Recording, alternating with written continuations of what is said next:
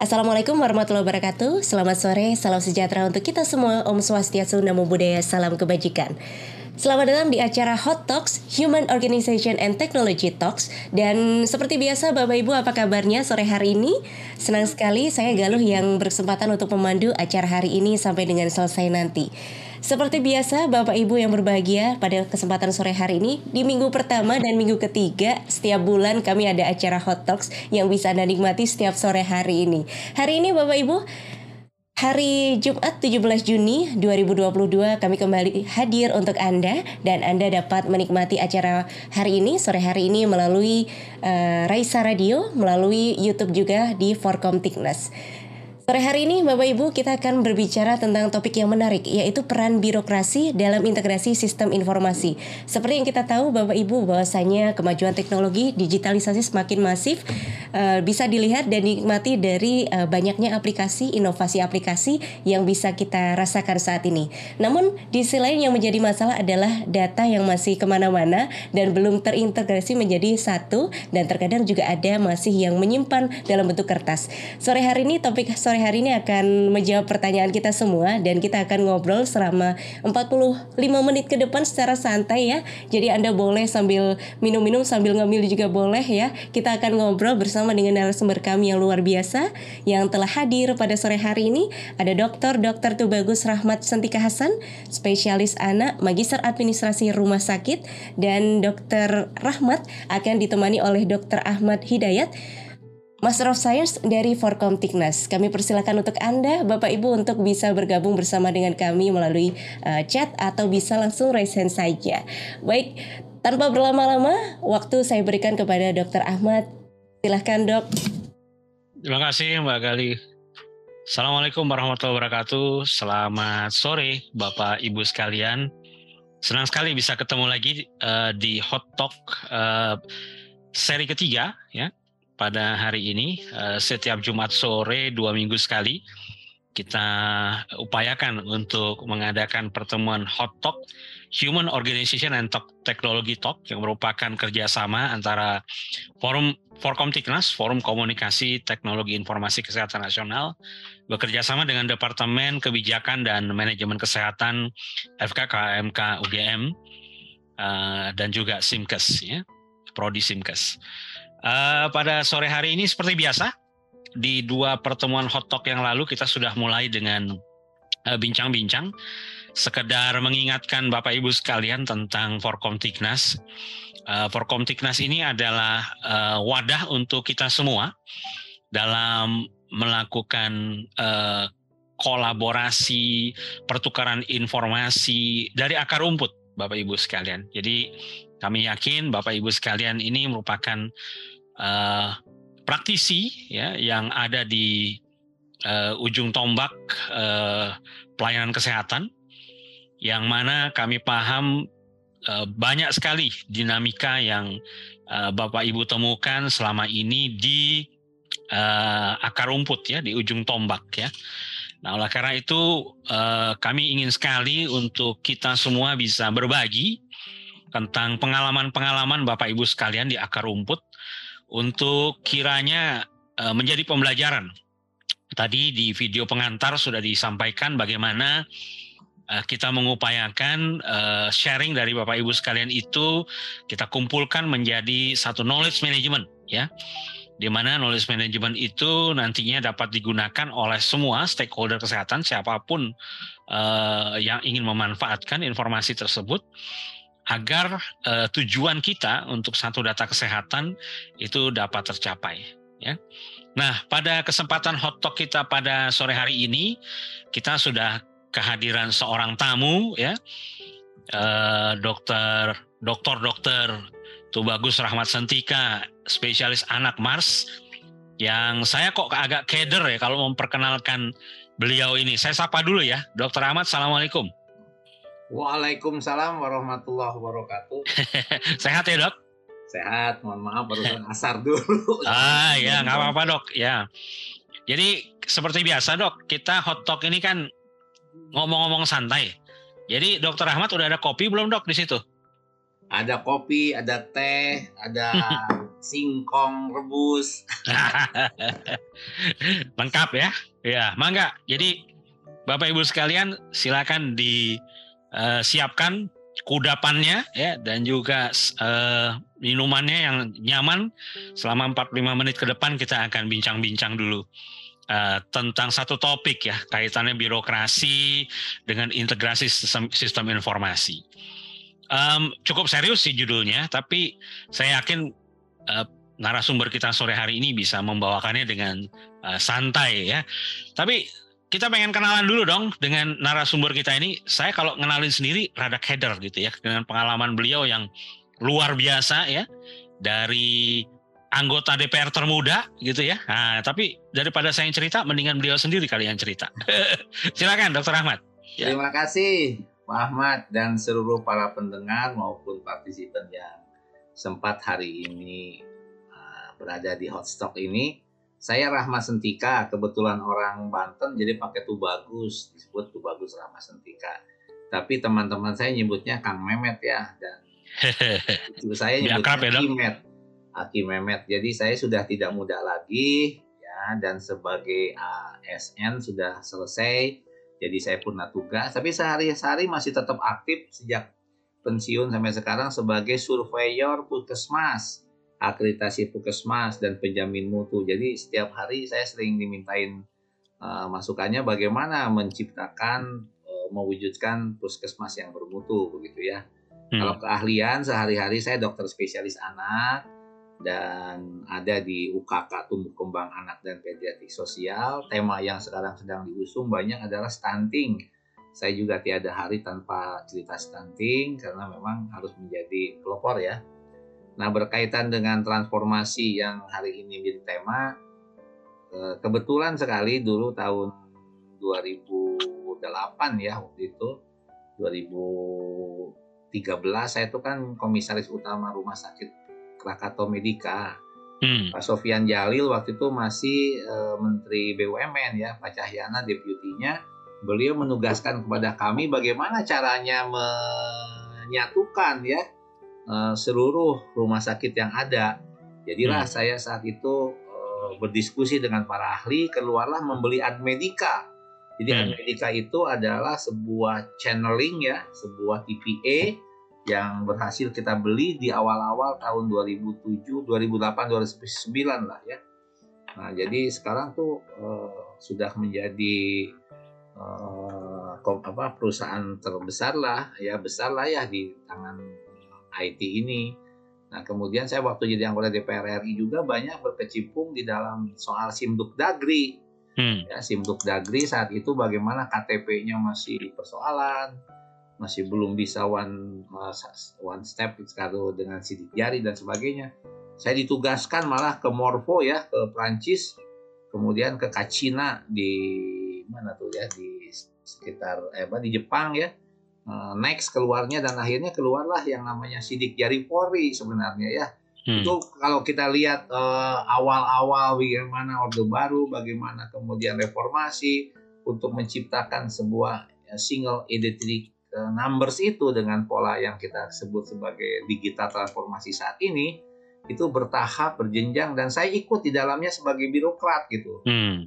Nah, jadi intinya adalah uh, kalau memang temanya ini berkaitan dengan apa sih peran birokrat dan bagaimana sih dalam menciptakan transformasi digital ini eh, secara fisik, secara keilmuan, mm-hmm. saya pernah ikut terlibat dari sejak tahun 2008 sampai sekarang dalam berbagai kesempatan. Nah, tetapi tadi karena peran birokrasi, karena saya pernah jadi deputy, pernah jadi uh, komisaris utama rumah sakit rumah sakit besar di Indonesia ya Hasan Sadikin, Karyadi, kemudian mengembangkan jodi puskesmas dan sebagainya. Sebenarnya ini menjadi tantangan besar bagi kita ya. Hmm. Kita itu terpecah-pecah banyak lah Pak. Hmm.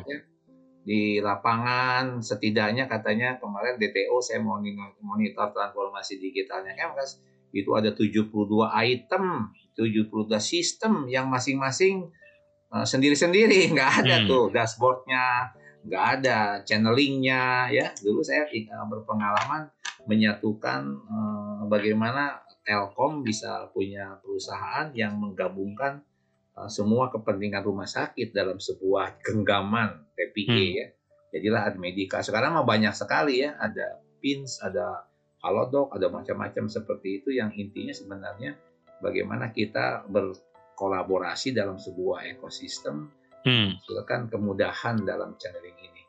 Jadi ya. pengalaman-pengalaman yeah. itulah yang membawa saya dari puskesmas di tahun 8283 di Pagaden Subang menjadi uh, spesialis anak, kemudian menjadi anggota DPR RI ya saat hmm. itu masih umur 30, 28 30, kemudian 92 tuh akhirnya saya tidak uh, dua periode dan 98 ketika reformasi saya masuk ke Kementerian Kesehatan diajak oleh Pak Muluk Profesor Muluk jadi tim ahli ya.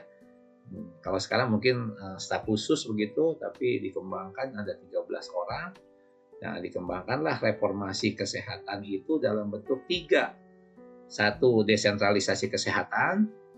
Kedua profesi kesehatan itu keluarnya adalah ilmu apa undang-undang praktek kedokteran kemudian juga ada eh, Indonesia Sehat kan itu ada tiga ya satu lagi adalah tentang eh, JPKM keluarnya adalah hmm. undang-undang. DJSN dan SJSN ya dan saya uh, pernah menjadi ketua Dewan Jaminan Sosial Nasionalnya sehingga alhamdulillah dari mulai merencanakan dalam berbagai visi misi dan sebagainya uh, from the value to the norm jadi undang-undang dan undang-undang dilaksanakan gitu ya.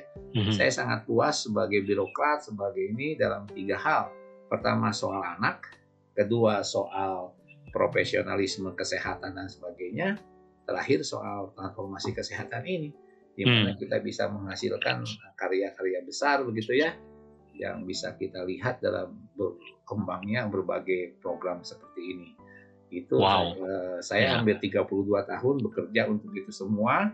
Tiada hari tanpa ngurusin anak, tanpa hari ngurusin bagaimana uh, tele telekonferensi, telemedicine dengan gaya dan uh, ilmu yang seadanya sebenarnya saya bukan ahli IT ya, tapi karena banyak temannya dari mulai direktur utama, komisaris sampai ke tukang kerjakannya sampai peduli lindungi ada Pak Komeng di situ ya yang saya setiap hari juga sering diskusi dengan kita bagaimana.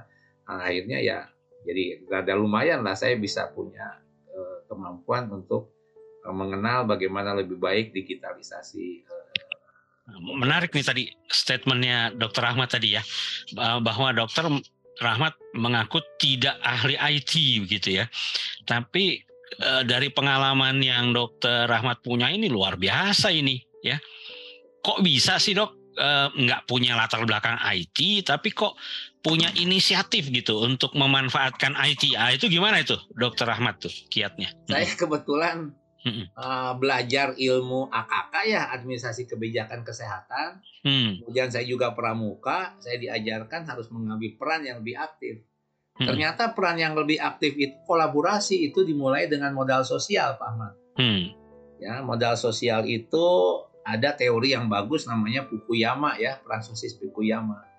Kalau kita ingin sejahtera, sebaiknya kita itu membuat uh, teori modal sosial. Hmm. Modal sosialnya katanya melalui komunikasi biro. Sekarang istilahnya uh, kolaborasi. Dulu hmm. namanya triple helix, namanya hmm. multi helix ya, macam-macam lah teorinya bergenjang. Tapi sekarang kolaborasi. Yang pertama adalah kita harus trust, membangun kepercayaan. Saya uh, kenal dengan Pak Ahmad kira-kira tiga tahun yang lalu, dua tadi kenalin Pak Prof Dario dan sebagainya. Tapi karena saya membuka diri sebagai orang yang ingin dipercaya sama Pak Ahmad dan saya juga lihat Pak Ahmad juga Eh, orang-orang yang sangat smart, Prof Dario segala macamnya itu kita ikut aja bergabung. Jadi saling bertukar HP aja nomor HP-nya dan yang kedua teorinya adalah berkomunikasi. Hmm. Jadi kita membangun kepercayaan kata Francis uh, Fukuyama itu dengan trust dan yang kedua dengan komunikasi dan yang ketiga tolong komunikasinya jangan hoak tapi yang hmm. refleksikal yang saling memanfaatkan gitu ya. hmm. ya. Kalau saya nggak tahu, saya tanya aja ke pejabatnya yang mengatur. Saya juga langsung aja WA dengan Pak Setia, Setiadi ya. Sekarang kan Setiadi itu DTO. Pak Setiaji, ya. Apa sih namanya DTO? Zaman saya di KMK sepuluhan tahun nggak ada yang namanya DTO. Hmm. Oh rupanya uh, Pak Menkes sekarang Pak Budi uh, sangat piawai sekali dalam mengembangkan digital transformasi ini sehingga keluarlah yang namanya DTO hmm. digital transformasi office. Saya banyak belajar selama beliau uh, ikut di Medan, launching di Bandung, Medan. Saya ikut aja terus dari belakang yang lihat sampai sampai pas dia juga nggak sadar saya ikut ya hmm. ada sebagai ketua ID, sebagai hmm. uh, IDAI, sebagai dan sebagainya. Oh, rupanya ke sana ya ke sana dan akhirnya saya tanya aja apa yang mau dikerjakan di Puskesmas. Beliau menjawab langsung, oh berarti Pak Setiadi membuka diri juga tuh untuk saling berkomunikasi yang referensi. Hmm. Saya beritahu aja begini sistemnya apanya sebagainya ya. Karena ya. saya sangat akrab dengan EPGGM sebagai uh, dulu sebagai ketua tim seribu hari pertama kehidupan ya forum seribu hari pertama kehidupan sekarang sebagai timnya stunting Habibie Institute jadi saya akan tahu tentang EPGGM barusan saja saya bicara dengan seorang kader desa Nusantara Sehat Ibu Dwi di uh, sebuah desa di makna uh, Bengkulu Selatan beliau nggak ngerti itu stunting itu apa dikumpulin lah anak-anak pendek saya bilang jangan ngumpulin anak-anak pendek itu mah udah udah telat ya karena stunting itu adalah sebuah uh, present continuous yang mengatakan I'm stunting, I'm stunting, saya mau jadi pendek, saya mau jadi pendek. Kalau udah pendek stunted.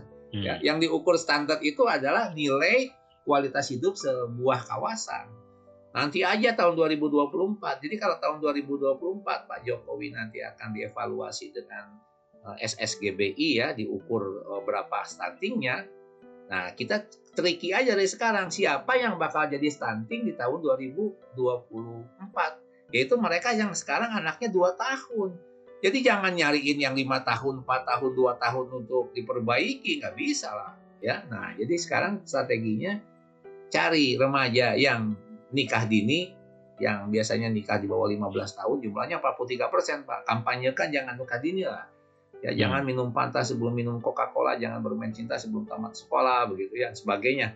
Kemudian cari ibu hamil, perbaiki. Kemudian cari anak balit, baduta yang yang berat badannya di bawah min 3 SD, gizi buruk, gizi kurang, ada penyakitan. Itu yang hmm. diperbaiki. Hmm. Barusan saya dapat 16 orang dari 980 dari 16 orang itu ternyata saya klasifikasikan yang memang harus kita perbaiki hanya empat orang Hmm. Ya udah kalau gitu kita cari PKM kak pangan khusus medis khusus. Ya. Ada uangnya yang tiga peserta BPJS, sini nomor niknya kita bereskan dengan BPJS, dibayar BPJS. Tapi yang enggak, ya kita sediakan aja lah buat enam ratus ribu rupiah daripada hmm. kita susah. Nah itu ya. dengan teknologi kemudahan-kemudahan ini saya bisa berjenjang menolong orang di harga makmur. Nah gitu ya. Pak. Jadi saya pikir kita kerja aja dari apa yang kita mereka butuhkan, bekerja bersama-sama, selesai. Terima ya. kasih. Ya. Nah itu kan uh, bicara stunting tadi ya Dokter Ahmad ini kan bukan satu kondisi yang yang sederhana dalam artian uh, satu bidang saja yang terlibat kan. Ini multisektor ya yang terlibat gitu ya. Dan juga kan tadi Dokter Ahmad sudah menyinggung oh ada ada sebenarnya ada pendekatan teknologi juga yang bisa digunakan gitu ya untuk uh, mengatasi permasalahan-permasalahan di bidang kesehatan. Nah, tapi mungkin secara khusus Dokter Ahmad tadi juga nyinggung tuh tentang banyaknya aplikasi ya di Kemenkes di di mana-mana kita dengar gitu ya yang tidak tidak bisa saling ngobrol nih satu sama lain nih Dokter Ahmad nih. Nah, kalau dari dari ya dokter Ahmad sekarang udah nggak di birokrasi lagi. Tapi dari dari pengalaman dokter Ahmad selaku birokrat ya, itu bagaimana menyikapi atau sikap seorang birokrat melihat melihat e, banyaknya aplikasi-aplikasi ini seyogianya seperti apa? Ya, dokter Ahmad. Hmm. Sebenarnya saya tuh udah bikin paparan ya sekitar lima slide. Tapi hmm. saya sebutannya di sini kan nggak pakai paparan. Yang pertama adalah birokrat itu tugasnya hanya tiga Nah, yang pertama adalah dia itu adalah desainer kebijakan publik. Hmm. Desainer kebijakan publik itu adalah dia yang punya penang, eh, tanggung jawab untuk menyusun semua kebijakan nasional, kebijakan-kebijakan, peraturan segala macam sesuai dengan jabatannya. Kalau Menteri Kesehatan, dia harus mengeluarkan semua peraturan Menteri Kesehatan yang berkaitan dengan undang-undang yang ditugaskan, itu Undang-Undang 36. Ya, kalau ini ada undang-undang tentang uh, elektronik transaksi elektronik ya. Kemudian ada bagaimana eh, kesehatan harus melakukan transformasi digital tadi kan ada semuanya undang-undangnya. Permenkesnya aja dibikinkan begitu ya dan hmm. sebagainya. Nah, jadi desainer kebijakan publik seyogianya para birokrat itu orang-orang yang pandai menampung semua aspirasi masyarakat dijadikan kebijakan-kebijakan publik. Jadi arus arus ya arusnya adalah semua kepentingan rakyat, kepentingan politik, kepentingan masyarakat ditampung dijadikan kepentingan publik, yaitu dijadikan undang-undang. Jadi kalau belum ada undang-undang ya nggak bisa lah. Dijadikanlah politik anggaran, jadilah dia anggaran. Sepanjang dia cerita ngomong aja tanpa anggaran, ya sama aja nggak akan nggak ada dilakukan gitu. Nah, jadi karena itu maka seorang birokrat itu harus mampu melakukan perjuangan dengan lembaga legislatif supaya mendapatkan persetujuan anggaran. Nah, jadi itu satu desainer ya. Desain kebijakan ya. Jadi keluarlah Renstra rencana hmm. strategis uh, sekarang nih ada Permenkes nomor 13 tahun 2022. Nah, saya sudah ingatkan teman-teman di Kemkes, itu nggak bisa dengan mudah.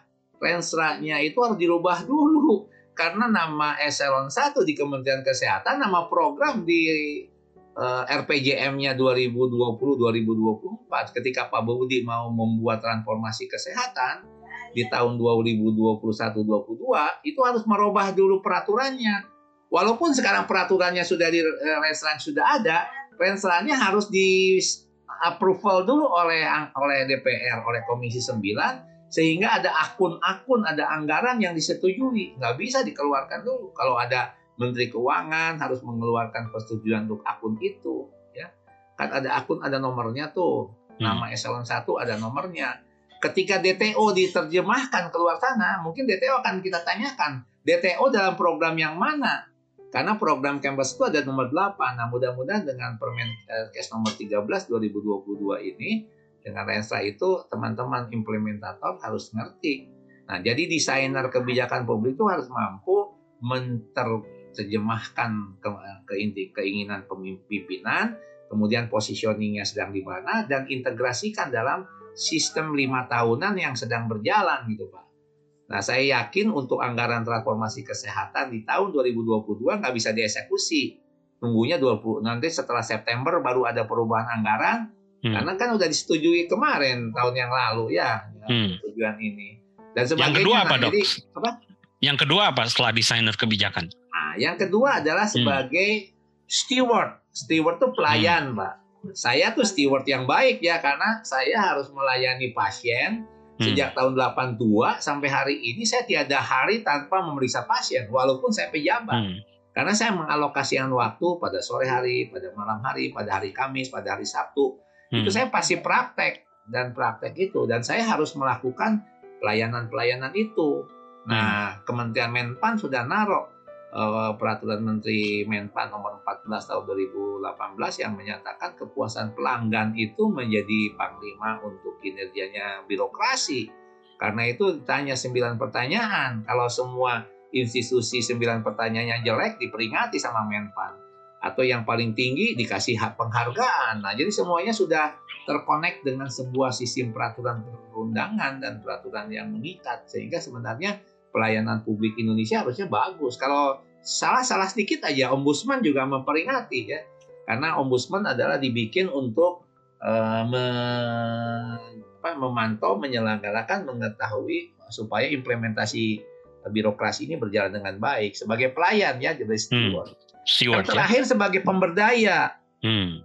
Pemberdaya itu adalah uh, satu ya kalau pemberdaya itu namanya teacher. Nah, jadi uh, birokrat yang baik adalah sebagai desainer kebijakan publik, sebagai steward, sebagai pramugari, dan yang terakhir sebagai uh, pemberdaya. Nah, makanya hmm. di mana-mana harus menjadi orang yang mengambil peran, mengerti bagaimana tugas dan kewenangannya itu bisa uh, diketok tularkan. Jadi kalau ada pejabat yang nggak pernah mau jumpa pers, nggak mau juga mau rahasia apa, tidak membuka uh, apa yang akan ditempuhnya, akan dilakukannya, itu berarti uh, tidak bisa memberdayakan masyarakat. Jadi harusnya nah, masyarakat output, outcome dan impact dari mendesain kebijakan, stewardship uh, itu apa, Dokter Ahmad? Ujungnya? Kalau sekarang kan di semua hmm. jenjang itu diajarkan ya skenario planning, Pak. Hmm. Jadi kita tetapkan dulu ketetapan Indonesia saat ini adalah mewujudkan Indonesia maju hmm. ya, yang berdaya saing dan sejahtera di tahun 2024 dengan hmm. uh, strategi Indonesia kerja jilid kedua. Jadi kita harus masuk kepada jenjang bagaimana kita menjadi maju modern dan sebagainya dengan IT bisa hmm. jadi global pemimpin global ya sekarang jadi KTT uh, eh, apa G20 ya itu kan sebuah bukti-bukti bahwa akan mengarah kepada menjadi pemimpin uh, pada kita bukan lagi negara berkembang dan negara maju papan bawah makanya kita masuk ke dalam G20 ya. Hmm. Nah, yang kedua adalah kita harus mewujudkan manusia Indonesia yang uh, berkualitas. Yang berkualitas ini mulai dengan sehat jasmaninya, Eh, pinter otaknya, perutnya kenyang, kantongnya tebal, bisa berbagi. Nah, itu kan kalau dilihat sebenarnya uh, bisa hmm. dilakukan seperti itu. Iya. Orang-orang yeah. yang uh, apa namanya yang bermutu itu ya, yang hmm. berkualitas nah, dengan baik. Peran sistem informasi di mana, Dokter Ahmad? Nah, uh, sebagai pertama, sebagai birokrat, ya informasi hmm. itu adalah yang pertama kalau saya menyatakannya sebagai data pembuka wawasan, Pak. Hmm. Kalau seorang birokrat tidak kenal dengan data dan tidak mampu uh, melakukan uh, kita berada di mana, melakukan analisa sendiri di dalam uh, tugas dan perannya, wah itu ketinggalan zaman. Jadi harusnya hmm. kita harus mengembangkan yang namanya uh, kemampuan membaca data. Hmm saya menyebutnya serasi data, Pak. Di kantor Menko PMK dulu dengan Kesra, eh, kami eh, bersama-sama dengan Ibu Puan Maharani, dengan Ibu, eh, Pak Agung Laksono, punya big data khusus untuk data tentang manusia Indonesia ya yang hmm. kalau digambarkan adalah kita harus serasi pak nggak hmm. boleh ada angka dikbud dengan diknas hmm. dengan dikti aja dalam satu uh, level pendidikan beda-beda nggak boleh tuh pak hmm Ya, nah, kemudian Kementerian Kesehatan. Nah, kita tetapkan. Kemarin juga yang namanya BPJS Kesehatan ya sebenarnya kita pakai PPLS 2011. 2011 kita sudah punya by name by address dengan uh, kriteria 40% gini rasio uh, detail ya. Nah, itu sudah enam kali direvisi oleh uh, kantor statistik maupun oleh BPS ya oleh Kementerian Sosial yang ditugasi untuk itu verifikasi hmm. data terpadu namanya Pak. Dan tiap tiap enam bulan, tiap setahun akan ada data pembaru lalasan itu. Jadi kan sebenarnya nggak ada yang nggak ada yang keliru ya. Itu hmm. datanya jelas. Perkara hmm. eksekusinya apakah ini kenapa diberikan uh, BPJ apa PBI pada orang yang kaya dan sebagainya ya ditanyakan ke RT RW sama kelurahannya kenapa masukkan data itu karena yeah. verifikasinya tiap enam bulan sekali gitu ya. Yeah. Jadi nah ini sebelum kita buka kesempatan buat tanya jawab dari uh, para hadirin nih Dokter Ahmad. Tantangannya apa nih selama Dokter Ahmad menjadi birokrat nih dalam memanfaatkan sistem informasi di lapangan, Dok? Ya. Yang hmm. pertama sistem informasinya zaman saya itu ya 20 eh, tahun permulaan belum baru berkembang mungkin tapi berkembang pesat ketika 5 10 tahun yang lalu lah ya. Nah, itu kita harus menggunakan namanya dashboard critical success factor daripada kewenangan kita harusnya ditempelkan. Jadi tidak usah eh, medical recordnya setiap pasien harus masuk ke Menteri Kesehatan, tidak usah. Tapi laporan Menteri Kesehatan yang tentang diagnostik yang dilaporkan, misalnya diagnosis COVID ya berapa COVID perharian, naiknya bagaimana, besarnya bagaimana, kenapa di mana lokasinya, itu harus dianalisa oleh oleh staf-stafnya sehingga ada yang kebutuhannya bersifat untuk kebijakan, ada yang bersifat untuk memantau evaluasi dan merubah supaya logistik bisa kena, bisa apa dan jadi tujuannya berbeda-beda ini. Uh, tapi semuanya harus dimulai dengan dengan big data tadi dalam kategorisasi-kategorisasi sesuai dengan dashboard yang diperlukan. Saya hmm. menyebutnya critical success factor. Hmm. Ya, kalau sekarang saya misalnya sebagai Komda KIPI Banten, ya saya akan tanya seluruh kabupaten kota ini melaporkan real time ya saya saya punya data real time kalau terjadi yang namanya KIPI kejadian ikutan pasca imunisasi harus dilaporkan dalam satu kali 24 jam oleh puskesmas ke dinas dan itu tembusannya langsung masuk ke provinsi dan nasional. Kita bisa bisa pantau di mana saja.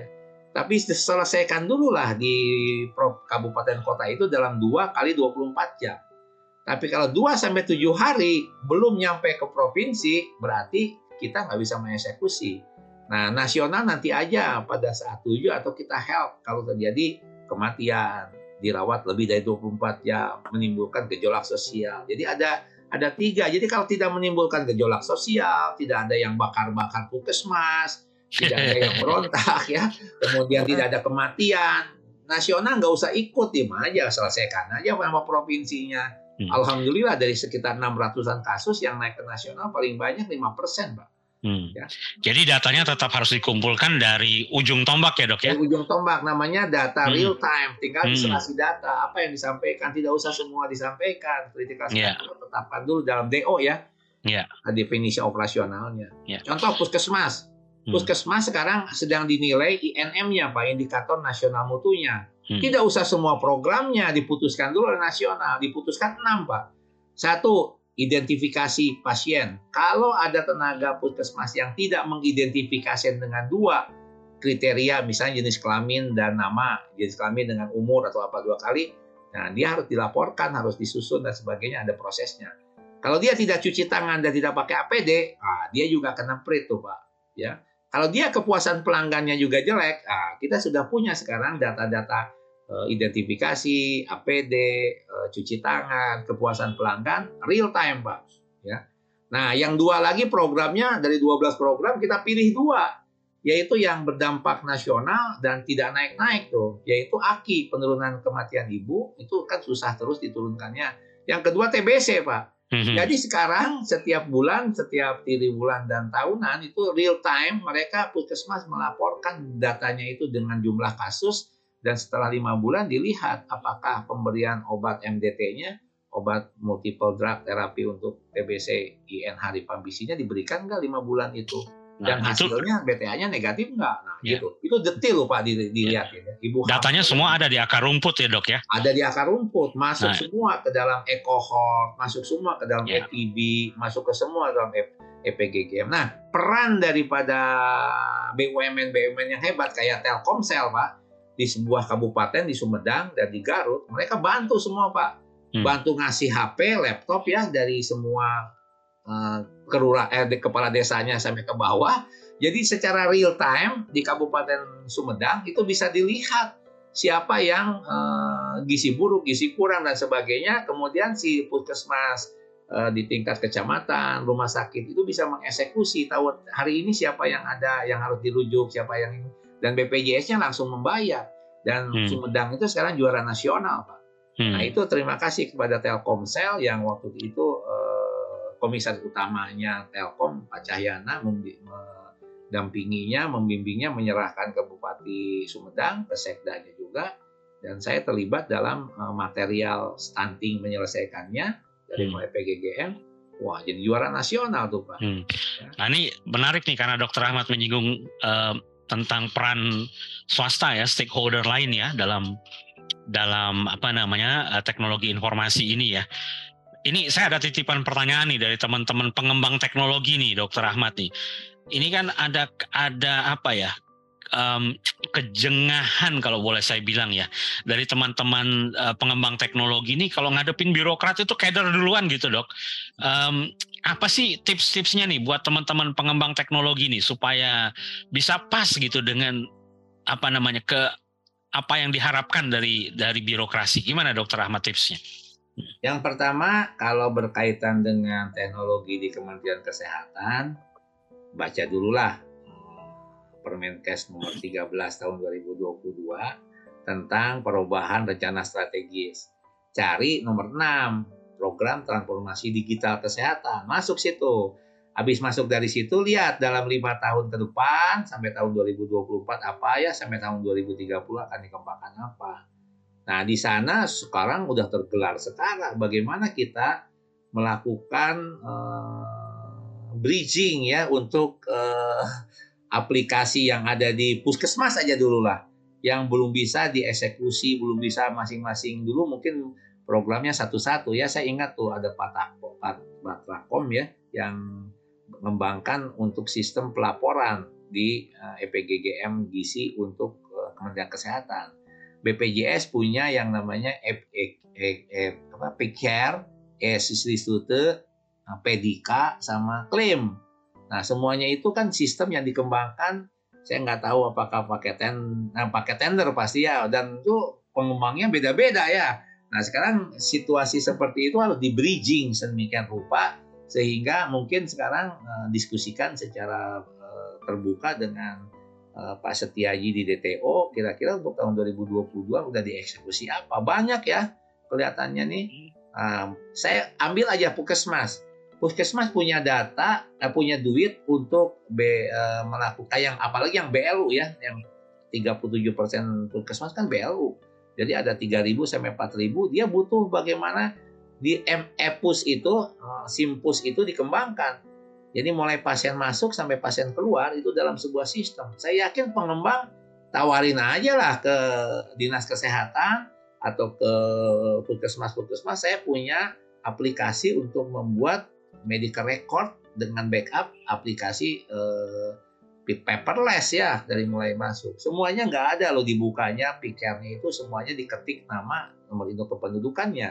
Kenapa sih nggak pakai iris iris uh, mata? Kenapa sih nggak sidik jari? Kenapa nggak pakai uh, barcode gitu ya? Nggak pakai kayak kartu kredit. Nah teman-teman uh, ini, uh teman saya semuanya yang mau diakreditasi setelah saya ceritakan ini banyak yang minta tolong dong beliin um, uh, apa namanya barcode itu gimana caranya beli untuk membuka uh, card reader itu di mana katanya ya nah kalau saya tahu lah beberapa tempat yang uh, suka diambil misalnya kata saya udah ada langganan IndiHome aja nah nanti di IndiHome minta fasilitas di depannya pakai barcode sama uh, digital untuk membaca card reader ya hmm. jadi mereka banyak yang, yang ngambil itu dan sebagainya lah ya jadi ini sebenarnya bagi pengembang baik yang punya dan yang mau biasa-biasa saja datangin puskesmas tempat aja. Mereka sekarang tanggal 18 Februari 2023 itu hari terakhir dia harus terakreditasi. Hmm. Nah kalau dia datanya tidak ter terkonek, datanya berantakan di mana, padahal di sana juga ada uang yang sudah bisa dialokasikan untuk itu. Jadi eksekusinya di di, di puskesmas aja cukup ya. Hmm. Atau ke asosiasi Apexmi-nya bicara bersama-sama gitu. Saya mau mengembangkan hmm. ini, mengembangkan itu. Nah, jadi sebenarnya dari mengumpulkan data sampai menganalisis data, mengembangkan dashboard ya, membuka ekosistem nah, sampai kepada eh, e-katalog bisa ya. Terus kalau yang sekarang nih lagi musim P2P adalah eh, JEN, Jaringan Epidemiologi Nasional. Gimana kita menjembatani laporan Satgas tentang meningkatnya COVID hari ini di Peduli Lindungi. Untuk itu ya. dikembangkan ya? dalam sebuah surveillance ya, keluarnya hmm. di mana dan sebagainya. Ya. Wah hebat sekali kesehatan tuh terbuka lebar. Ya. ya. Ini rasanya momentum yang pas ya Dokter Ahmad ya. Iya. Uh, banyak apa namanya uh, peluang-peluang yang secara regulasi juga sangat ditopang gitu ya ditopang. untuk bagaimana kita ke depannya lebih baik lagi. Hmm. Ada tiga, ada satu mungkin teori pak ya teori ya. Charles John katanya gini. Sebuah kebijakan transformasi kesehatan nggak akan jalan lah Pak Menteri mau ngomong transformasi, Pak Setiaji mau ngomong DTO, kita semua siap semua nggak bisa jalan Pak. Kalau apa? Hmm. Persepsinya berbeda Pak. Hmm. Ya. Kalau persepsinya saya akan mengambil cepatnya aja. Ya udah kalau mengambil cepatnya serahkan aja ke satu PT ya. Nah, selesai itu sama satu PT bagikan saja. Nah, selesai kan? Jadi sekarang nanti uangnya dan sebagainya berkumpul di satu tempat. Nah dari ajas uh, efisiensi oke okay lah bagus sekali. Dari ajas itu tapi coba dari ajas pemerataan. Kan hmm. kasihan pengembang-pengembang lain.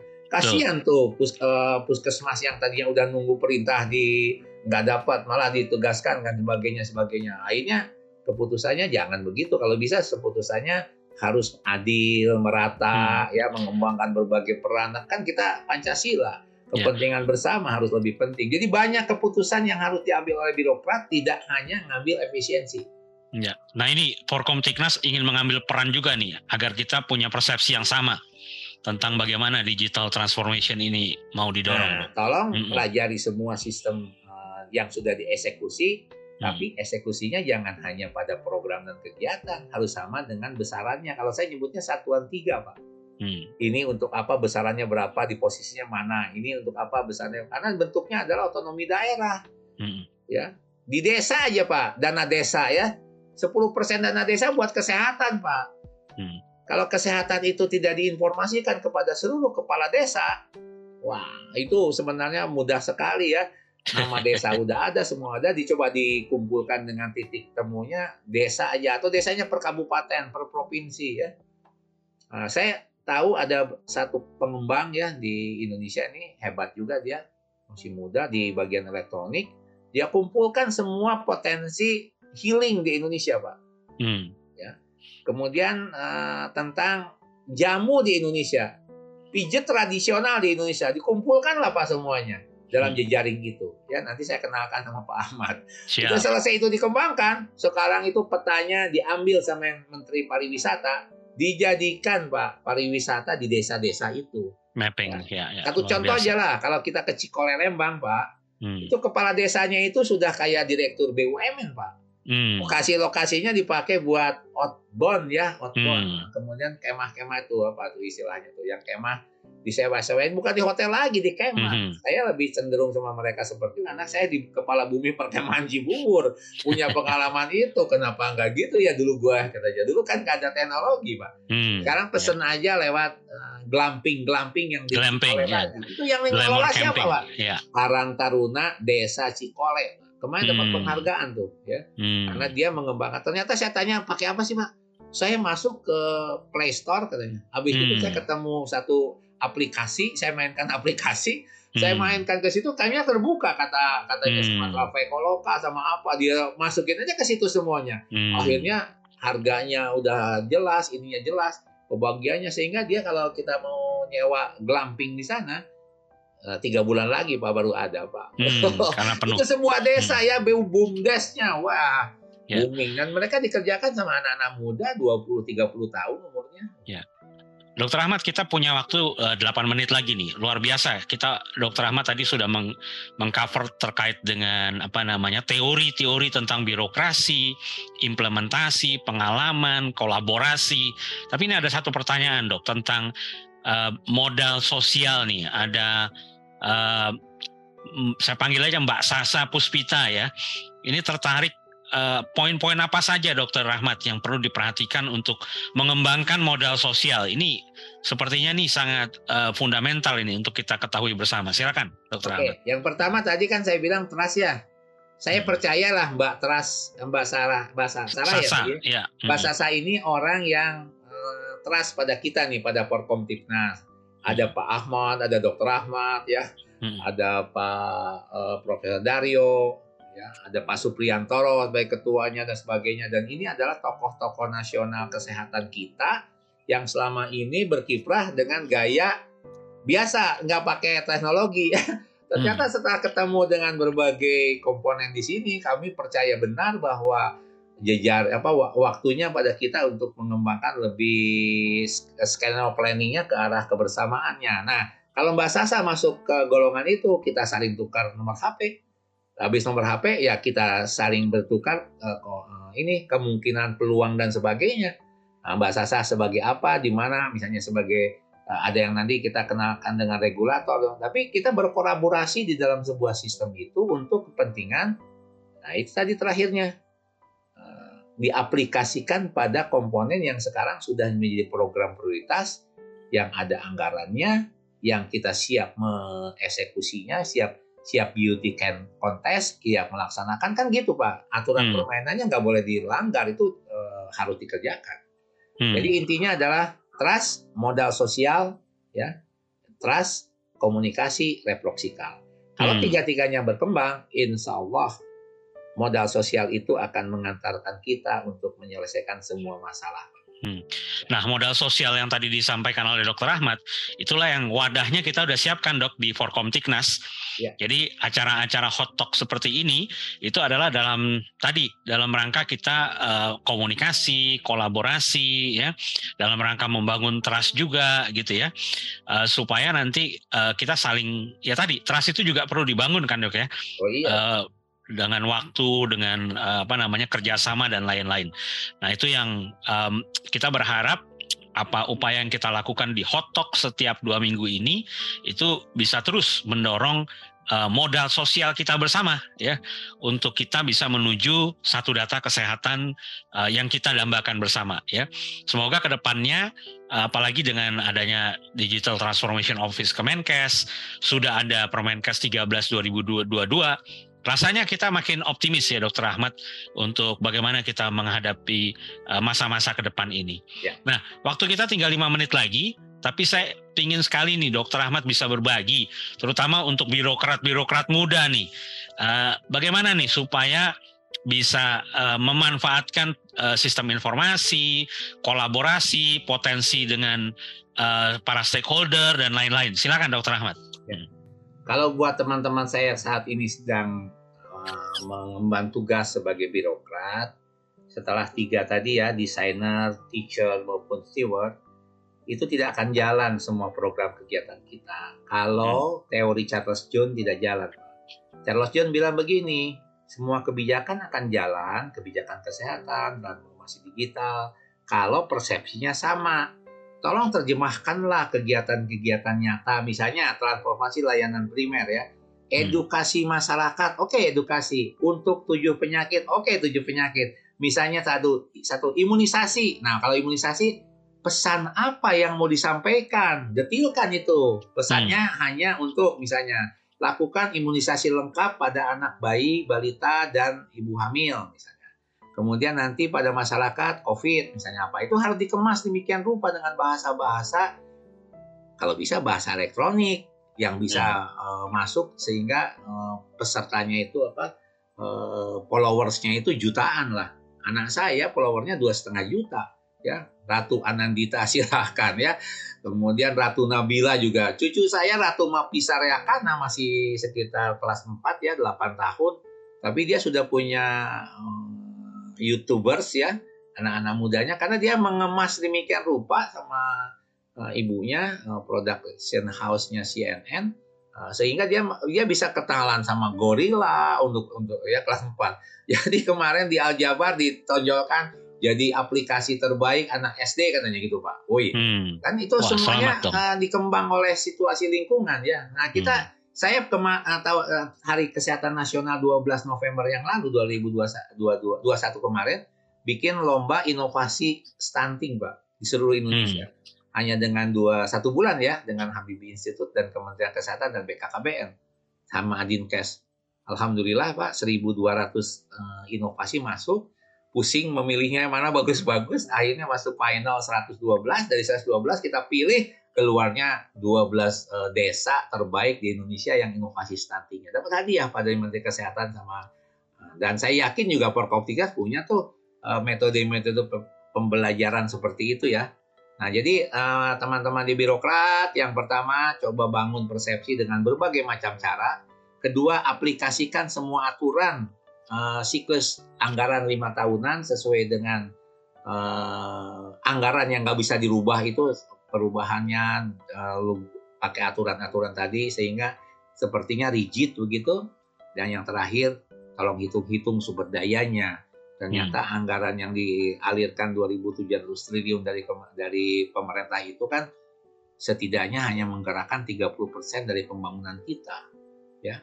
Tapi itu kalau dipercepat pengeluarannya sehingga kemarin presiden teriak-teriak ya ini kenapa anggaran nggak diserap, nggak serap. Kemarin saya ikut rakor satanting dua hari yang lalu. Wakil Presiden dan deputinya juga teriak, ini baru diserap 19 persen. Padahal anggaran untuk stunting itu, wah, sudah dua digit dari angkat uh, triliun, Pak.